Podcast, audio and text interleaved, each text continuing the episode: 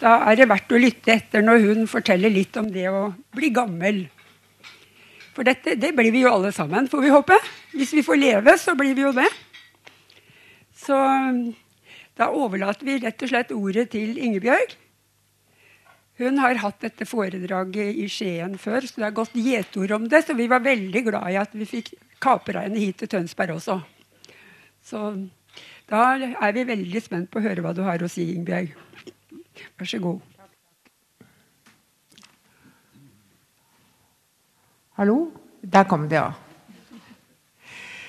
Ja, jeg har gleda meg til å komme hit. Jeg ser jo mange kjente, da. Og noen som jeg ikke kjenner. Og så ser jeg så mange som er så unge.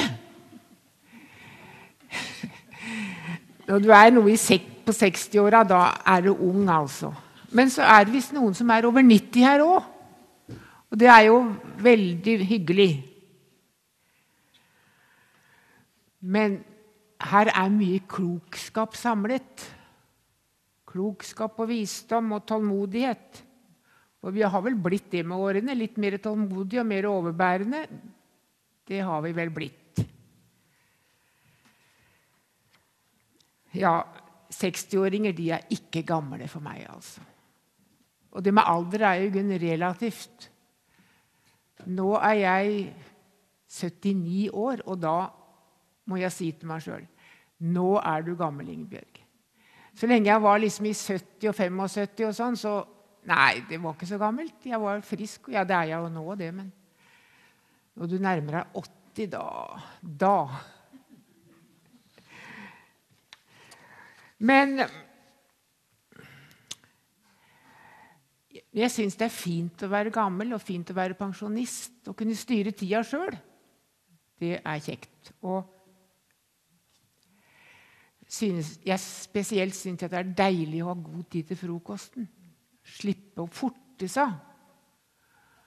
For vi har vel forta oss nok? Har vi ikke det? Og så er det litt rart å bli gammel. Du blir noe som du ikke har vært før. Og du kan få noen skikkelig ubehagelige overraskelser. Det skal vi komme tilbake til. Men som sagt, det er både gleder og utfordringer med det å bli gammel. Det skal vi snakke om, ja. Men jeg håper altså dere ikke går hjem nå og tenker uff, uff, uff. Men at dere kan bli oppmuntret og ha liv, ha mot på livet mot på livet fordi om du er kanskje 90 år. Og det er jo både gleder og utfordringer, ja. Og så er vi så heldige som bor i Norge. Blir vi hjelpetrengende, så blir vi tatt hånd om. Vi blir ikke satt på gata eller satt på en fjelltopp, som eskimoene gjorde før. Ja, det er mange refleksjoner over det å bli gammel. Det er, mange, det er mange perspektiv, men det er vel avhengig av øynene som ser. Trendanalytikere beskrev norske og svenske seniorer i 2001. De skilte mellom seniorer som eldes med moderne stil, og de over 50 som rykker rett fra foreldrerollen til parkeringsplassen for oldinger. Den var litt morsom, så den har jeg kopiert opp. Den kan dere ta etterpå. Også fra Aftenposten kunne vi lese vi tilbringer i økende grad livet som gamle. Det stemmer dårlig i en tid som i så stor grad hyller ungdommeligheten, og i en kultur som til de grader forakter skrantende kropper og rynkede ansikter, og som forbinder aldring med samfunnsbyrde. Min parentes Samfunnet snakker om eldrebyrden. Men like riktig er det å snakke om eldreressursen. Bibelen har også beskrivelse av det å bli gammel. Jeg tar med noe fra Forkynneren 12. De sterke menn blir krokete. Kvinnene som maler på kvernen, må stanse for det er blitt så få. En står opp til fuglekvitter, men alle sangens døtre stilner. Da gruer en seg for hver bakke, og fare lurer på veien. Det er litt pessimistisk, men det er jo mye sant. Noen hører ikke så godt lenger. Sangens døtre stilner. De orker ikke så mye. Kvernen stanser. Gruer for ting. Det er vel nokså gjenkjennelig. Men Bibelen har trøst å gi. Jeg leser fra Jesaja 46, 46,4. Jeg er Han helt til dere blir gamle. Jeg vil bære helt til håret er grått. Jeg har alt gjort det. Jeg løfter, jeg bærer og berger. Hører dere meg godt? Mm. Og så Salme 71, 18. Gud, forlat meg ikke selv når jeg blir gammel og grå. La meg tale om din kraft til hele den slekten som kommer. Og når vi har for meg to bøker Den ene heter 'Mens jeg har dere her', eller 'Å bli gammel', skrevet av Tor Åge Bringsvær. Den ble utgitt i 2019, og da var han 80 år. Og han er jo forfatter og født i Skien. Også en annen bok som heter 'Sommerfarger', skrevet av en dansk sogneprest, Thomas Christensen, utgitt i 2021. Jeg refererer fra bøkene, og så kommer jeg med mine refleksjoner innimellom. Ta først Tor Åge Bringsvær. Han skriver veldig morsomt, med galgenhumor. Men han fokuserer stort sett bare på sin egen sviktende helse og alt han ikke greier og ikke orker. Jeg syns han signaliserer et meget negativt og pessimistisk syn på det å bli gammel. Det er jo gjenkjennelig mye av det han skriver, men han har ingen himmel over livet. Han sier de fleste er altfor positive til det å bli gammel. Men det er en vandring fra den ene ydmykelsen til den andre. Han forteller om alt det negative. Han har vansker med søvnen fordi han har krampe i beina. Han må opp mange ganger om natta for å gå på toalettet. Han må sitte og kle på seg. Han blir svimmel når han går i trapper. Han glemmer navn eller hvordan ting skal gjøres. Han orker ikke å løfte kofferten opp på bagasjehyllen om å få hjelp. Han har for vane å grue seg for ting. Han burde begynne på treningssenter, men han gjør det ikke. Og Det er flere år siden ungdommen begynte å reise seg for ham på trikken. Og Det samme har jeg opplevd på en buss. Og det var en rar og ubehagelig opplevelse. Sjåføren sa til en ungdom La den gamle dama få plassen din. og da jeg kom hjem da, da sto jeg lenge og så meg i speilet. så et godt råd til dere damer, godt råd mot rynker Ta dere brillene når dere ser dere i speilet. Da kan dere bli oppmuntret, altså. Du verden så godt jeg ser ut.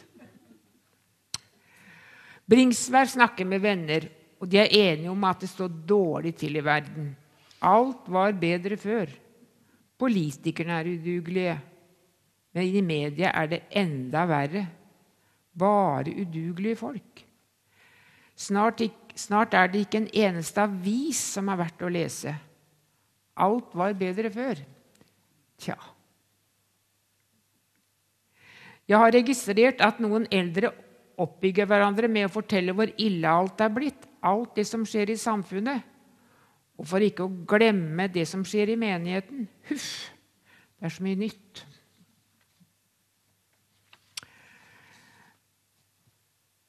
Ja, det er jo mye i samfunnet som kan bekymre oss.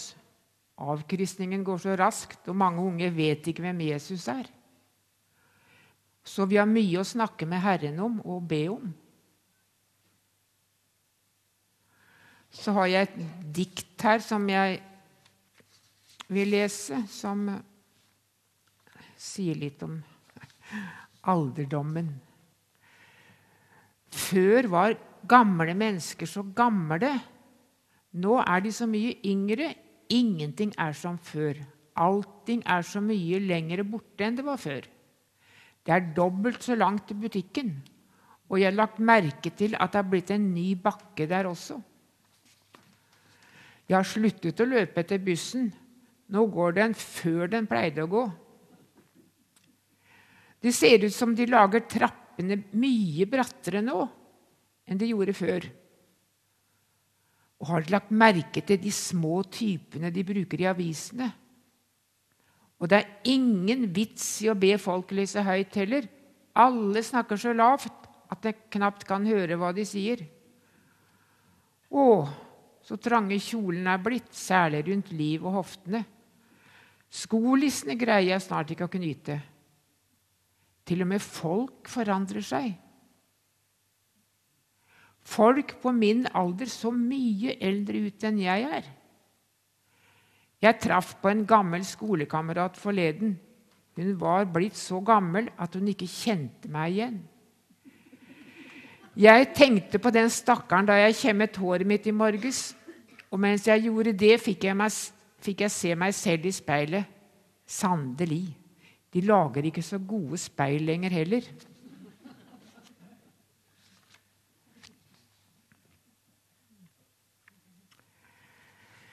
Ja, nå skal vi få høre en helt annen vinkling om det å eldes. Og Det er fra nonnen Agnes Marie i Lunden kloster i Oslo. Hun lever vel kanskje ikke nå. Hun debuterte som 85-åring med boka 'Kunsten å eldes uten å bli gammel', utgitt i 1993. Bokas budskap er at alder ikke er synonymt med alderdom. At den som har en levende tro, kan få bli ung. Forfatterens kilde er troen på Kristus. Hennes budskap er at vi hele livet kan komme Kristus nærmere. Jeg tar med et intervju med henne. Det er fra 2006, og da var hun 98 år. Den gamle nonnen kaster ikke bort tiden med å fortelle om sine skranglete bein og skrøpeligheter. Hun møter oss med nysgjerrige og våkne øyne og et lyttende ansikt. Hun ler når vi spør henne om hvor gammel hun føler seg. Jeg er fortsatt 20 år i hjertet, svarer hun. Slik definerer hun ungdommelighet i boka 'Kunsten å eldes uten å bli gammel'. Når man er i stand til å anstrenge seg for å nå et mål. Når man forblir optimist selv i motgangen. Når man ikke mister motet i ulykken. Når man er mottagelig for det vakre rundt seg. Når man har kraft og vilje til å hjelpe den som trenger det, de svake, de deprimerte. Når man har initiativ til også å gjøre nye ting da. Hvor høyt man har kommet opp i alder, har man en ungdomssjel. Så langt Agnes Marie. Og så tar jeg fra den danske boka 'Livets sensommer'. Jeg likte det ordet 'livets sensommer'. Og en sensommer den kan være veldig fin. Det vet vi. Vi lever i livets sensommer. Så les, siterer jeg noe fra baksida på boka. Det er både utfordringer og glede ved å bli eldre. Noen erfarer sykdom og tap, mens andre opplever det livgivende å ha mer fritid og selv kunne tilrettelegge dagene uten å skulle passe et arbeid. Fra forordet Ofte betrakter vi menneskelivets sensommer som årene hvor vi visner og forfaller.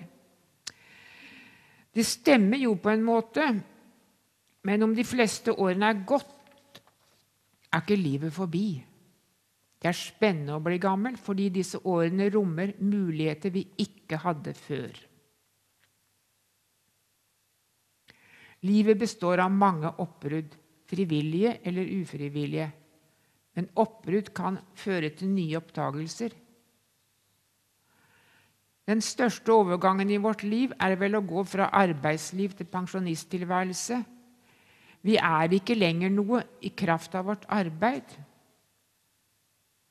Vår betydning i arbeidslivet kan varme tankene. Vi kan samle bare på det som var vellykket. Men minnene om det som har vært, kan også gjøre vondt. Ting som skulle ha vært gjort eller sagt annerledes, og ting som slett ikke skulle være gjort. Hva gjør vi med disse tankene? Vi kan be Salme 25, 7. Tenk ikke på min ungdoms feilfrinn og synder. Tenk på meg i din miskunnhet, Herre, for du er god. Og Som kristne så har vi det privilegium at vi kan gi alt det forkjærte over til Gud. I hans barmhjertige hender. Han har et avsnitt som heter 'smidig stivnethet'. Smidig stivnethet, et morsomt uttrykk. Kroppen vår stivner med alderen, men også tankene kan stivne.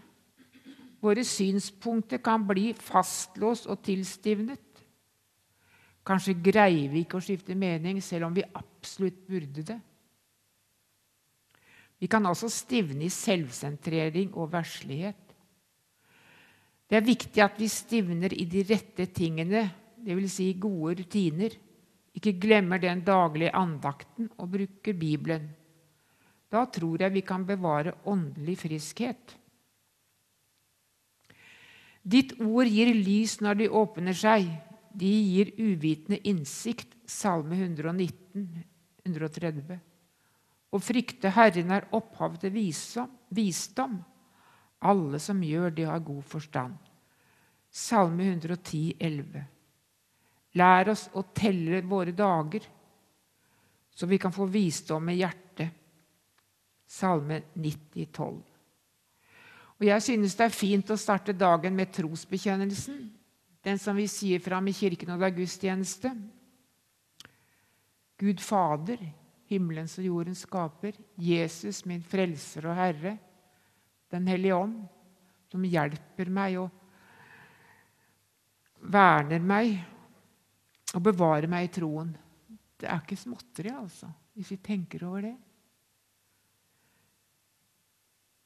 Det er veldig flott. Vi har en Gud. Å samle på minner er et avsnitt i boka. Som eldre samler vi jo på minner. Vi ønsker å gi de gode minnene videre til dem som kommer etter oss. Men selv i livets høst er det fortsatt mer å se på enn minnene. Det er fint å møte mennesker som ikke bare lever i det som har vært, men også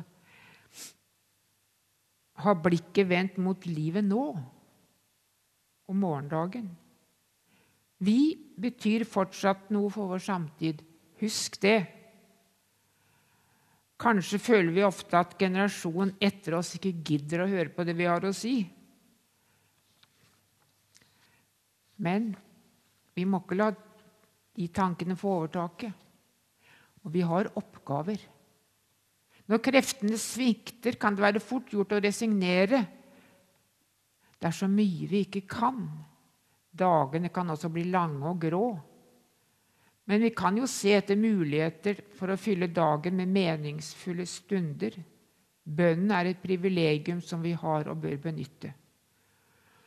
For vi ber til en Gud som hører. Vi kan glede noen med en telefonsamtale, med oppmuntrende og gode ord. Gled andre, så blir du selv glad, sies det, og det er sant. Vi kan lytte med interesse til det andre har å fortelle. Ja, nettopp lytte. Forfatteren har også et avsnitt som heter 'halvtom' eller 'halvfull'. Slik er det også med mennesker. Vi kan jo oppleve ting helt forskjellig. Vi kan akke, eller vi kan takke. Noen har først og fremst øye for manglene i livet, mens andre ser gavene. Kanskje må vi øve oss i å se våre livs pluss. Vi blir til glede for oss selv og våre omgivelser hvis vi øver oss i å finne takketonen fram. Viktig er det at vi er oppmerksomme på Guds gjerning i våre liv og alle hans velsignelser. Og jeg tror det er bra for vår mentale helse at vi øver oss på å takke. Vi ønsker jo ikke å være sure og grinete. Så lenge vi lever, er det viktig å se sant på seg selv. Det handler om selverkjennelse og selvutvikling. Og jeg ber ofte Salme 139, 23-24. Ransak meg, Gud, kjenn mitt hjerte, prøv meg, og kjenn mine tanker. Se om jeg følger avguders vei, og led meg på evighetens vei. Det kan jo være ting i livet mitt som jeg kanskje burde ordne opp i, men jeg ser det ikke. Og da er denne salmen til hjelp. Herren vil vise meg det jeg ikke ser. Og så nytt avsnitt. Hva gir vi oppmerksomhet? Gir vi oppmerksomhet til aktiviteter som bygger opp og gir mening? Når vi har fått bedre tid, kan både hobbyer, bøker og TV gi god avslapping. Men en del i TV kan også fylle oss med tomhet. Kanskje er noen av dere også engasjert i frivillig arbeid. Det kan gi mening og velsignelse. Boka har noen avsnitt om det siste oppbrudd. Det skal jeg ikke si noe om, for jeg tenker at enten vi er 60 år eller 70 år eller 80 år eller 90 år, så er det viktig at vi hver dag lever et oppgitt, oppgjort forhold til Gud, andre mennesker og oss sjøl. Vår framtid ligger i Guds hånd. Mine tider er i din hånd, Salme 31, 16. Så kan vi jo be om at han vil gjøre vår siste livstime god. Så langt denne boka. Så kommer vi ikke utenom å si noe om sorg. Og det vil vi alle oppleve hvis vi blir gamle nok. En sorg kan ha forskjellige ansikter og komme etter forskjellige tap. Hva gjør de tapene med oss? Hva gjør vi med vår sorg?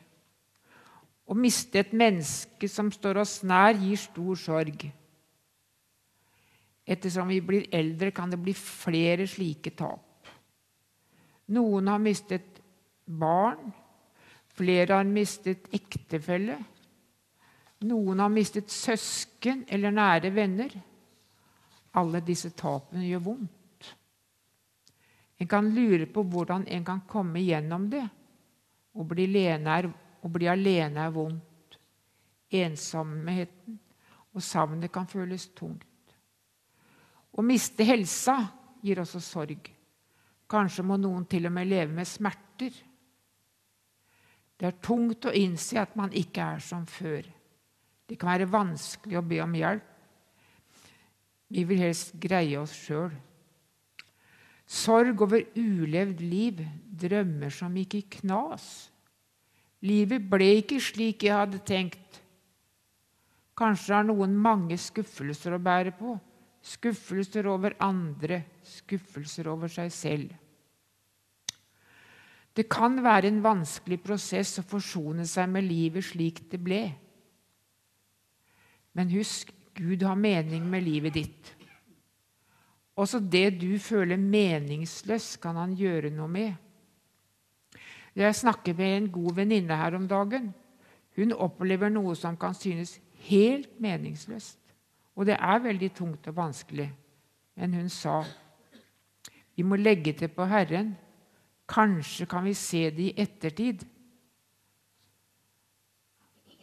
Kanskje kan vi se Guds finger i det da. Kanskje det er noen som skal bli frelst.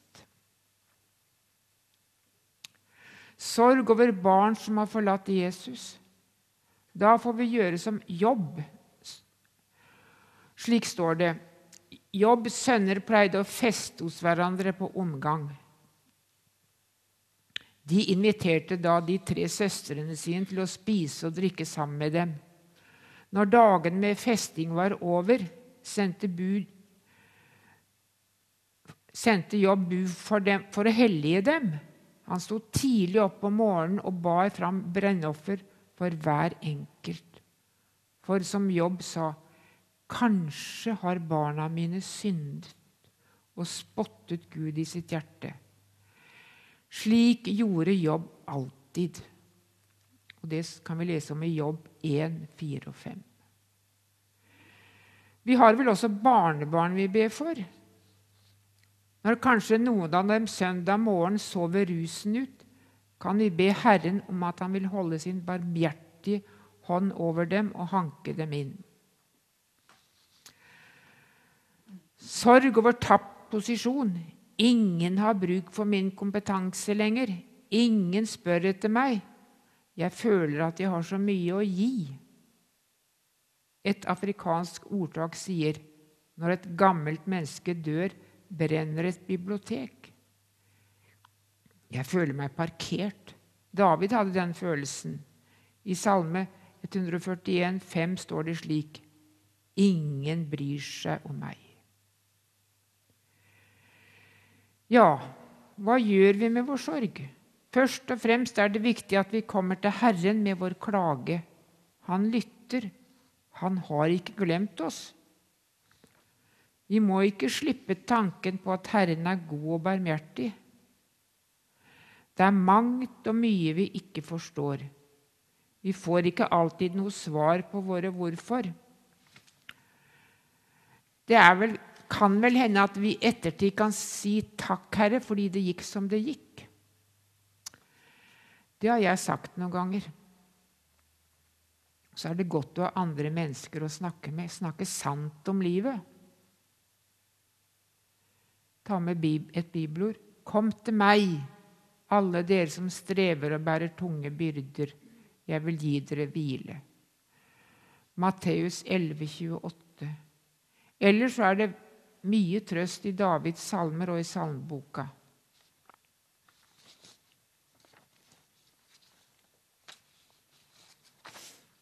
skal jeg lese et dikt til.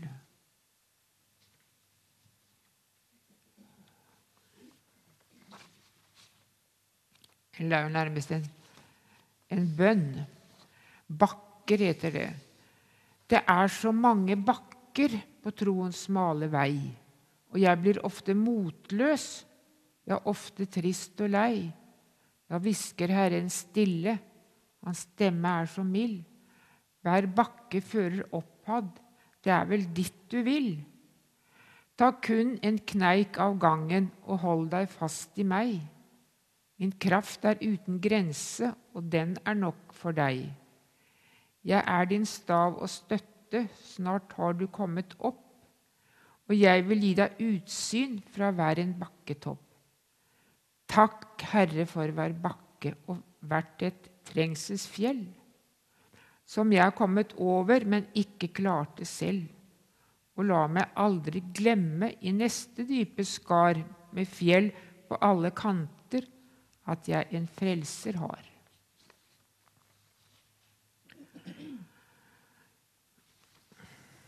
Jeg ønsker jo at disse refleksjonene skal være til oppmuntring. Vi har et håp, et evig håp.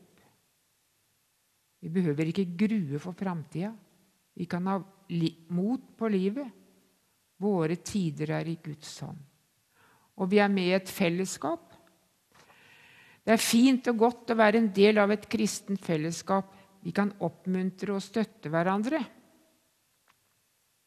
En prest sa at menigheten skulle være et helbredende fellesskap.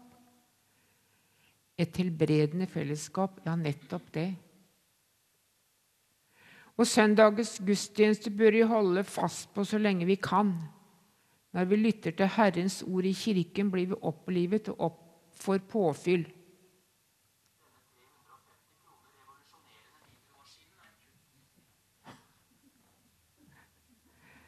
Et høydepunkt i gudstjenesten er når vi feirer nattvær. Det altså oppliver. Ja, takk. Det var det jeg hadde å si.